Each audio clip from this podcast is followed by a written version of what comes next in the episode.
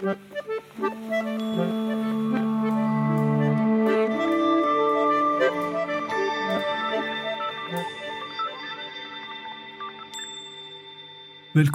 til podkasten Ytringsklima. Her snakker vi om hvordan folk snakker sammen på jobb.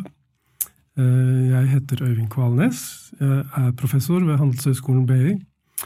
Og gjest i dag er Birgitte Lange, som er generalsekretær i Redd Barna i Norge. Velkommen, Birgitte. Tusen takk. Så vi skal snakke om hvordan det står til med ytringsklima i din organisasjon. Så du leder en organisasjon i Norge hvor det er øh, hvor mange ansatte? 250 ansatte? Ca. 250. Ja, Så det er en stor organisasjon i Norge, og det er jo en stor internasjonal organisasjon. Ja. Uh, hva slags tanker har du om ytringsklima hos dere per i dag? Takk for å få anledning til å snakke om dette temaet. Eh, det er et kjempeviktig tema. Jeg har jo selvfølgelig lyst til umiddelbart å svare at hos oss er det fantastisk ytringsklima. Det skal vi snakke mer om, men umiddelbart eh, så tenker jeg at vi har et godt ytringsklima, og at det er veldig viktig i en organisasjon som Redd Barna at vi har det. Og at det er min oppgave som øverste leder å tilrettelegge for, skape og gjøre det mulig for folk å føle seg trygg på å ytre Eh, det de er opptatt av i de sakene vi arbeider med, og det de er opptatt av internt på vår arbeidsplass. Nettopp. Det jeg vet fra andre organisasjoner, er jo at eh, ledere kan ha høyere tanker om ytringsklima enn det medarbeiderne har. Så jeg har vært med på å gjøre en undersøkelse hvor vi spurte folk i ulike norske virksomheter om kvaliteten på ytringsklima, og da var et av funnene våre var at eh, ledere skåret klima høyere enn det medarbeiderne deres gjør. Eh, tror du sånn, et sånt gap kan eksistere hos, eh, hos dere også? Ja, jeg syns det er interessant det du sier, og rent umiddelbart så tenker jeg at det kan godt hende.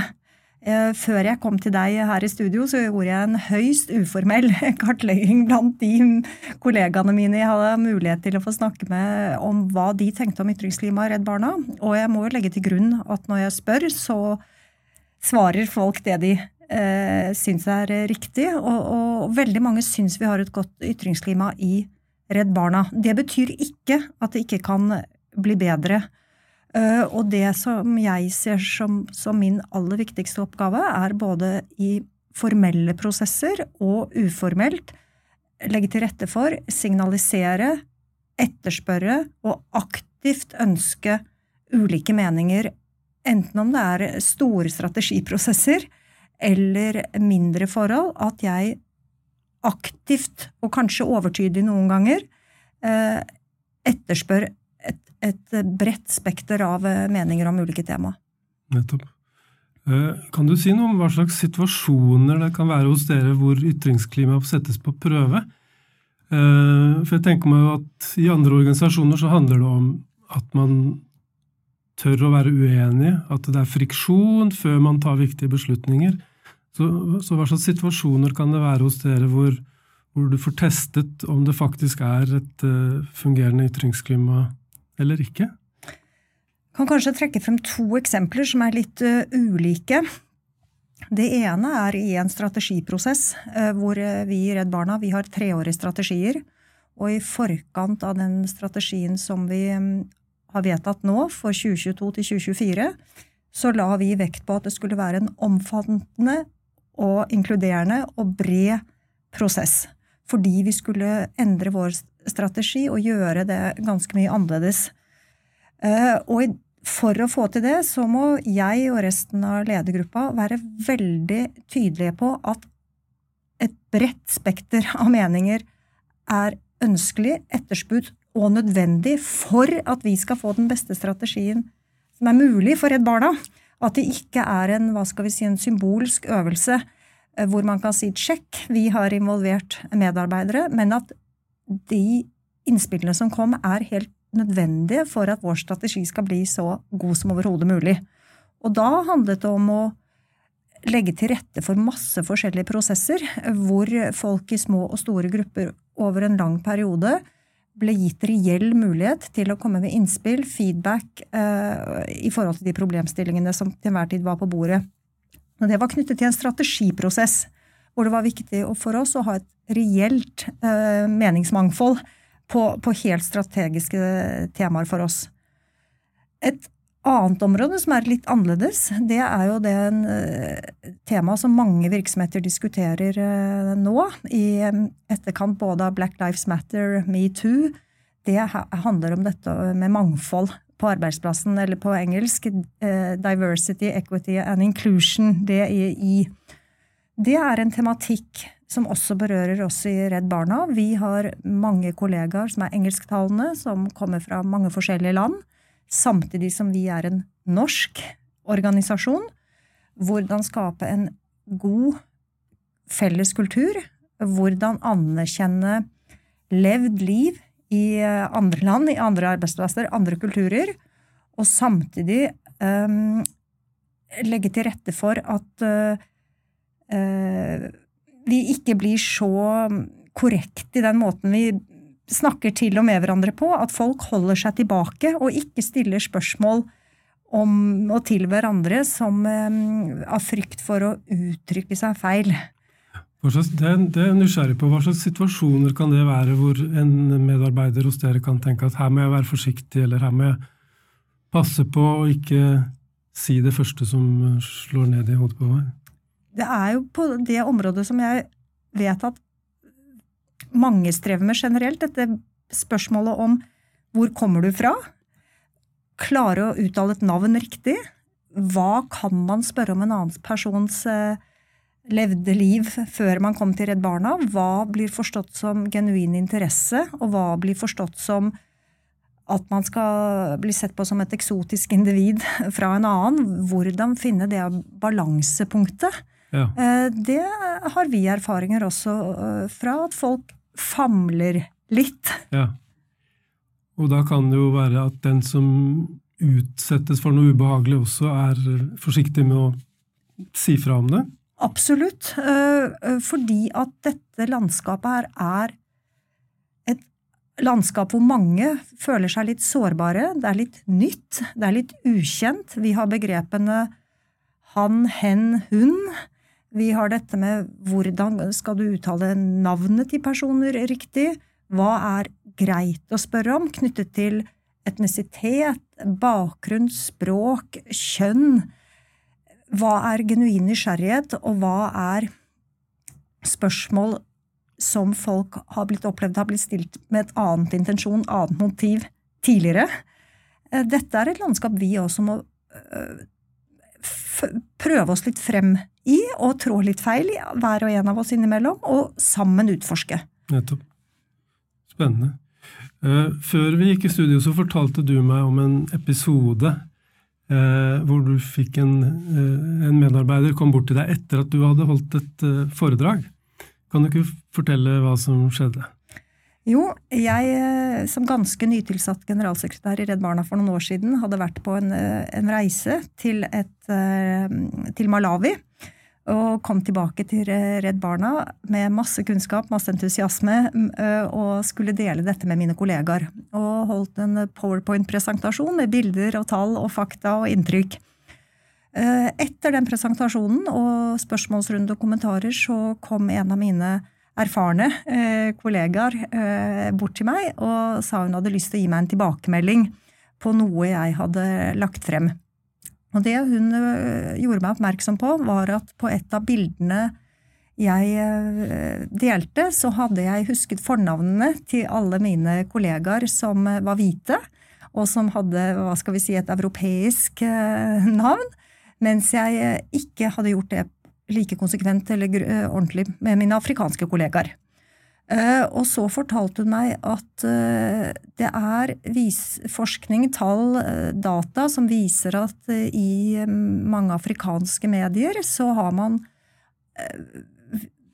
på gruppebilder i aviser, blader eller lignende, helt til nylig hatt en tendens til å omtale hvite personer ved deres navn, Mr. Jones, Mrs. Eh, Peterson, mens eh, afrikanske kollegaer har blitt omtalt mer som eh, på gruppenivå. Og en utrolig nyttig eh, tilbakemelding til meg, som Ja. jeg hadde hatt et veldig ubevisst og ureflektert forhold til. Ja. For jeg tenker meg at en, en medarbeider som tar det initiativet, gjør noe, gir deg en gave. Mm. Eh, men det må jo være en, en vurdering fra hennes side. Skal jeg snakke til generalsekretæren på Du var generalsekretær da. Ja. Skal jeg snakke til henne på denne, med henne på denne måten, eller, eh, eller skal jeg holde igjen og la det passere? Um, for det kjenner jeg jo veldig godt igjen fra, fra studier jeg har gjort i andre organisasjoner, at det er sånne vippesituasjoner eh, hvor en person kan vurdere skal jeg, skal jeg ikke. Um, og så er det jo veldig verdifullt når det faktisk kommer en sånn tilbakemelding som du kan lære av. Ja, for meg var det kjempeinteressant, og jeg var veldig takknemlig for at hun, eh, som du sier, tok den risikoen, hvis man kan Ja. bruke det ordet. Ja. Eh, og, og nettopp fordi at det var en eh, blind spot hos meg, mm. og hun ga meg en anledning til å reflektere over det, og forholde meg annerledes til det i lignende situasjoner fremover. Nettopp. Eh, jeg kommer jo også til å tenke på det begrepet som kalles psykologisk trygghet, Mm. som eh, Amy Edmundsen og andre forskere har vært med på å utvikle. Og de sier jo at eh, hvis det er psykologisk trygghet i en organisasjon, så tør man å ta risiko ved å stikke seg fram og skille seg ut fra gruppa på en måte. Ved å påpeke noe som kan være ubehagelig. Eh, og det var jo interessant, syns jeg, at hun ikke gjorde det i plenum. Fordi det hadde skapt en, en mer pinlig situasjon for deg, men hun, hun tok den samtalen med deg eh, i, og tok deg til side. Ja, jeg syns hun gjorde det på en forbilledlig måte, og det tenker jeg også generelt på når det gjelder denne tematikken eh, identitet, mangfold, eh, ulike kulturer på en arbeidsplass, så trenger vi alle å trene oss opp litt eh, på hvordan vi skal gi tilbakemeldinger når vi oppfatter at eh, noen har uttrykt seg feil, eh, skeivt, eh, litt klossete. Og det, det er det også, tenker jeg, min oppgave å å skape de rammene og tryggheten for når gir vi tilbakemeldinger, på hvilken måte. Eh, fordi vi ønsker ikke en situasjon i Redd Barna hvor folk ikke vil holde presentasjoner, ikke vil snakke om ting hvor de ikke er fageksperter, eksempel, men hvor de har deltatt og har noe å dele tilbake. Så ønsker vi at de skal kunne gjøre det eh, rakrygget, selv om ikke alle ord og uttrykk er helt riktige, eller man ikke er et fagekspert på et område. Og så ønsker vi samtidig at de som har synspunkter på det som blir sagt, skal kunne få en mulighet til å gi tilbake, men da gjerne slik som min kollega eh, gjorde, i etterkant og én til én. For hvis vi ikke er bevisst på det, så vil folk, litt som du sa i sted, trekke seg litt tilbake, vegre seg for å stå frem som eh, mennesker som eh, ikke er perfekte. Og da har vi ikke det ytringsklimaet jeg ønsker, og vi ønsker i Redd Barna. Så både de som legger frem ting i form av presentasjoner, innlegg, foredrag, de skal være bevisste og, og tenke gjennom hvordan de pre- presenterer ting. Men det skal også være lov å ikke være den aller beste eksperten på et område og uttrykke seg litt klønete, og så samtidig at vi har en kultur og måter vi gir hverandre tilbakemeldinger på som gir oss mulighet til å justere oss, lære mer og, og vokse. Her er det også interessant eh, en forskjell mellom nyansatte og folk som har vært på et arbeidsplass en stund. Så hun som ga, din, ga deg denne verdifulle tilbakemeldingen, var en veteran, en som hadde vært i organisasjonen en stund. Eh, ofte har jeg sett at eh, nyansatte kan være en fantastisk ressurs, fordi de har friskt blikk på det de ser rundt seg, og de kan gjøre observasjoner. De kan legge merke til ting da, som de som har vært der lenge, ikke ser. Men så vil de være mer forsiktige i utgangspunktet. Så der tenker jeg at eh, det trengs å gjøre ekstra arbeid for å gjøre dem trygge, da.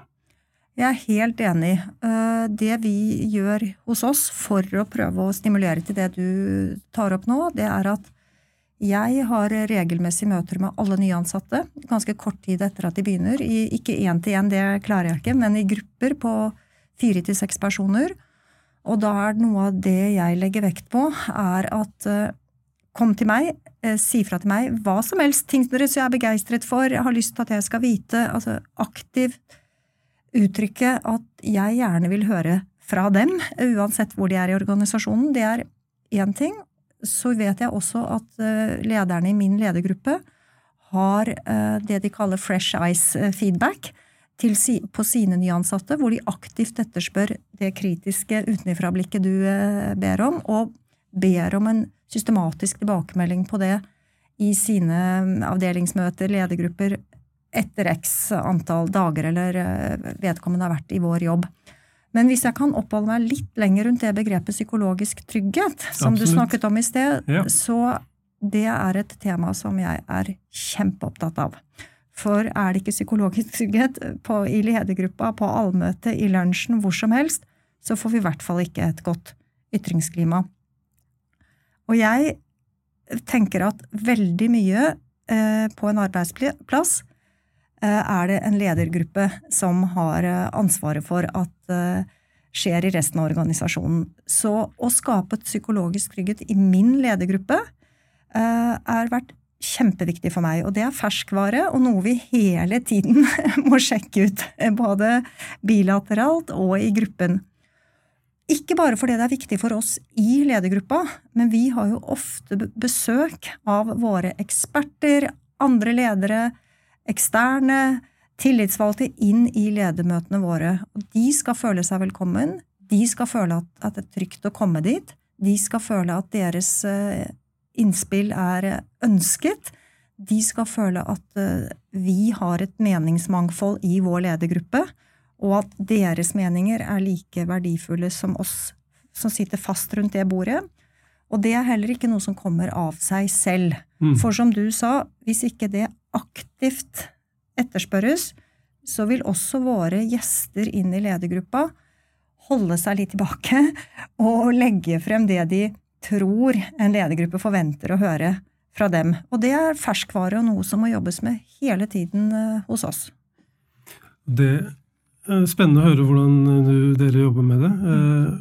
Og jeg, jeg, tror også at det er en utbredt misforståelse at, når det gjelder psykologisk trygghet, at det handler om at det er kos og hygge.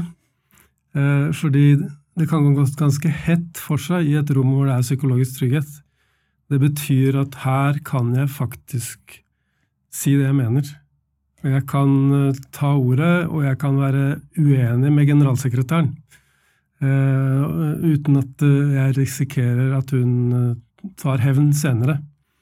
Så, så, i dette arbeidet da, så tror jeg akkurat det med å se at det er ikke det at det skal være så koselig, men at det skal være rom for uenighet og friksjon, ikke sant? 100 enig. Uh, og jeg kan ikke svare for de andre i ledergruppa, det er jeg som sitter her og snakker med deg. Men selvsagt, det er ikke kos og hygge, men det er en respektfull tone. Det er en konstruktiv uenighet. Det handler også om å skape det rommet som gjør at ikke alltid entusiasten er entusiastisk, og det er alltid den samme som er djevelens advokat, men at vi gir hverandre ulike roller. Det handler om å bruke hele verktøykassa, av og til å si at du skal utfordre, du skal være entusiastisk, du skal intervjue den andre, du skal lytte, jeg skal lene meg tilbake. Og hele tiden aktivt også i ledergruppa etterspørre spørre ulike meninger. Si er vi, er vi litt for konsensusorientert på dette nå? Hva mener du, som kanskje egentlig ikke har et aktivt eierskap til den saken, men sørge for at vi som ledergruppe hele tiden bringer inn alle de perspektivene som vi trenger å få til en sak, sånn at vi kan ta den beste beslutningen. Så for meg er um, psykologisk trygghet i ledergruppa veldig bra du sa det, ikke synonymt med kos og hygge, men det kan være synonymt med både latter og, og glede uh, og kritisk konstruktive diskusjoner hvor ting blir lagt på bordet, uh, og hvor de, alle meninger er like mye verdt. Og det også har jeg brukt på mye tid på i ledergruppa, at jeg vil at økonomidirektøren skal engasjere seg like mye på vårt arbeid med et program i, Malawi, og at HR-direktøren skal mene like mye om fundraisingen. Ikke fordi de er ekspertene, men fordi deres kompetanse, deres spørsmål, deres tanker om dette er verdifulle og gir merverdi inn i den beslutningen som vi til syvende og sist skal ta. Jeg har lyst til å ta tak i det du sa om eh, Du brukte begrepet 'djevelens advokat'. For det syns jeg er kjempeinteressant. Eh, og jeg har besøkt organisasjoner hvor de sier at vi har brent oss på det fordi at vi har, vi har hatt én person som alltid er djevelens advokat. Og så har vi hatt et kontroversielt eh, en kontroversiell plan framme, og djevelens advokat er taus. Og da tenker alle andre rundt bordet at da er det sikkert greit. Og så går de videre med en, en idé som ikke er så god. Og så viser det seg at djevelens advokat var litt fraværende den dagen, hadde noe helt annet å tenke på. Så det er eh, faren, da, tenker jeg, ved at det er samme person som har den rollen, men sånn som du også beskriver, da, at du forventer engasjement fra flere, og at de ikke bare holder seg innenfor sitt eh, spesialområde. Ja, og det er jo kjempeviktig det poenget ditt, at man må bytte på å være djevelens advokat. For det er veldig slitsomt for den som er djevelens advokat, å være det. Og for å ta det fra et motsatt eh, perspektiv, som jeg har mye erfaring fra Jeg har ofte vært, for det er min naturlige legning, den entusiastiske som bare Yes, vi kjører på! Så jeg trenger jo andre som sier, om det ikke er djevelens advokat, eh, men som har andre perspektiver, bremser, kommer med motforestillinger. Og det kan også være slitsomt å være den personen som alltid er den entusiastiske. Så for meg er det veldig både nyttig, verdifullt og nødvendig å få lov til å være djevelens advokat av og til. Å være den som tar armene i kors, er litt bister, kritiserer, eh, ser masse problemer foran oss, og det er så mye risikoer, og nei, dette kan vi ikke gjøre. Så den rollen må gå på omgang, eh, særlig djevelens advokat, men også rollen med den som bare heier og er positiv. Eh, for det, det er ikke bare glede forbundet med å være det. Så vi har alle behov for å få lov til å ta forskjellige posisjoner. Og eh, for meg handler det også veldig mye om å gjøre det trygt for alle i ledergruppa å komme med det som man selv kan tenke det er litt for banalt spørsmål. Det er jo tross alt hun som er eksperten på dette men at jeg aktivt etterspør hva tenker du, har du tenkt på dette, har du noen motforestillinger? Eh, det, det må gjøres igjen og igjen og igjen for å oppnå både psykologisk trygghet, men også det meningsmangfoldet som er helt nødvendig for at vi skal ta de beste beslutningene for eh, oss som organisasjon. Mm, spennende. Jeg har lyst til å spille ut eh, et begrep til deg som jeg har tenkt en del på i det siste, og det er det som jeg har kalt for vennlig friksjon.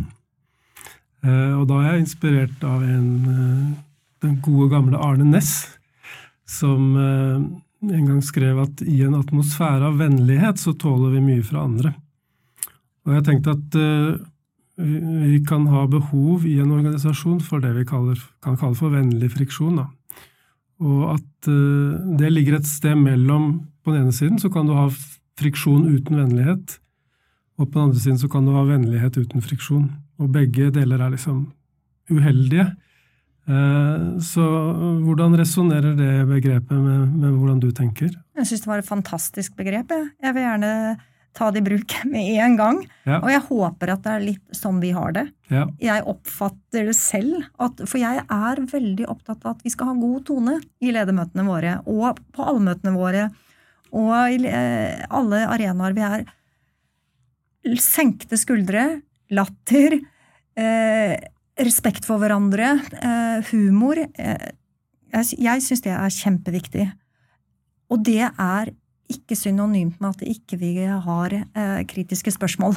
Men så lenge vi gjør det i en god tone og har litt Om jeg ikke skal bruke ordet letthet, men en ja, vennlighet er et veldig, mm. veldig fint ord. Vi trenger vennlighet i arbeidslivet, og det står ikke i motsats til å være kritisk konstruktive og være uenige med hverandre. Jeg tror det er den kombinasjonen av friksjon og vennlighet som, som, er vanskelig å få til, men som kan være svært verdifull.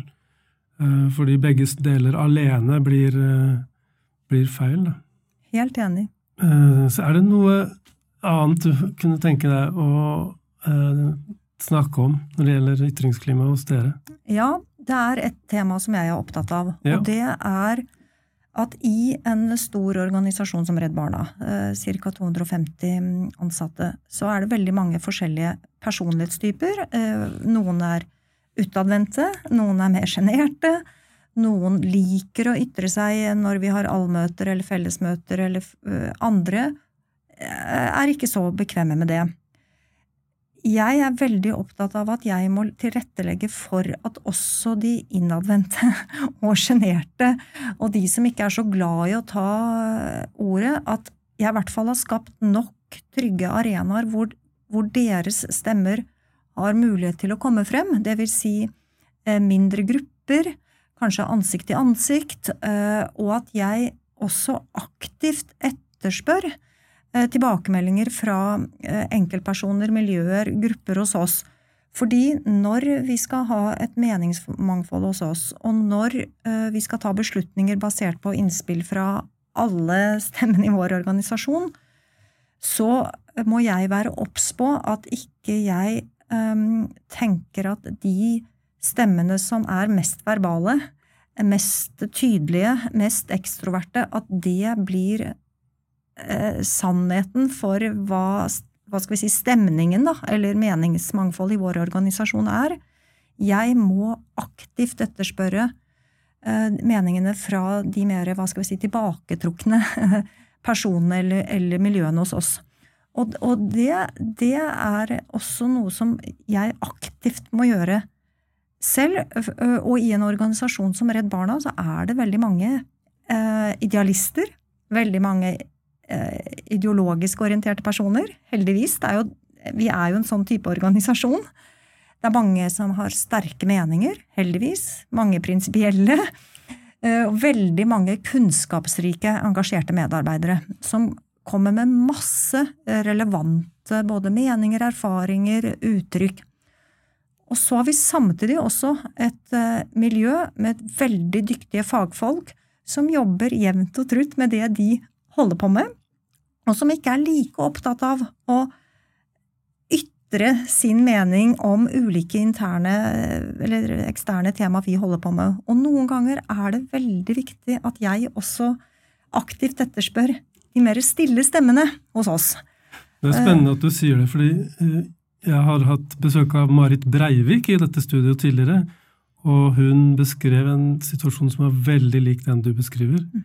At de i begynnelsen av hennes karriere som landslagstrener, så hadde hun veldig verbale spillere som dominerte både på banen og eh, i møtene de hadde. Og så hadde hun mer stillferdige folk. Og hun fikk eksternt råd om å få opp stemmene til de, de som ikke sier så mye. Eh, og det kan fort danne seg et mønster i en gruppe som gjør at det er alltid de samme som tar ordet, det er alltid de samme som er djevelens advokat, det er alltid de samme som snakker lenge. Så jeg tror det du beskriver med å bryte opp de mønstrene, eh, kan være enormt verdifullt. Og, det Marit Breivik beskrev, var jo veldig likt det du beskriver også. Det å sette folk i mindre grupper, eh, hente inn innspill fra de mindre gruppene. Eh, og så blir det også lettere å ta ordet i plenum i en større gruppe, når du har bygget opp trygghet og, og lagt fram ditt syn for en eller to kollegaer først. Ja, sånne små, men viktige grep er kjempeviktig. Det er også veldig viktig for meg at vi som verdens største uavhengige barnerettighetsorganisasjon Eh, så er vårt mandat å jobbe for barns rettigheter i Norge og hele verden. Det er vårt mandat. FNs barnekonvensjon er vårt grunnlagsdokument.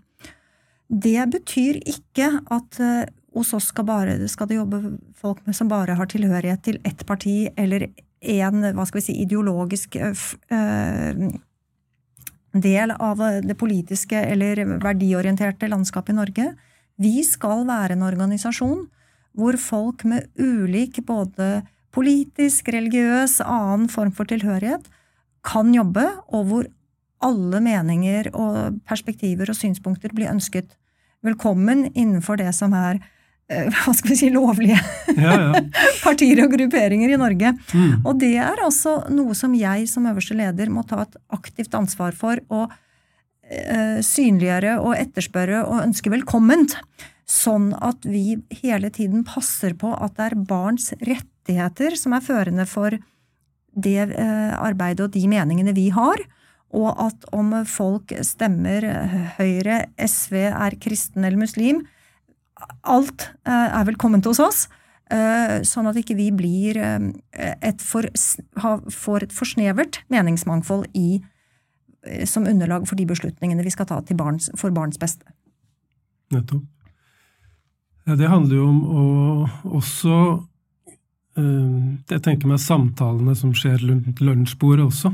Ikke nødvendigvis bare de møtene hvor man skal bestemme ting, men at det også er et ytringsklima i pausene. eh, hvor eh, det også skal være psykologisk trygghet, og at ikke en opplever at du, må holde tilbake og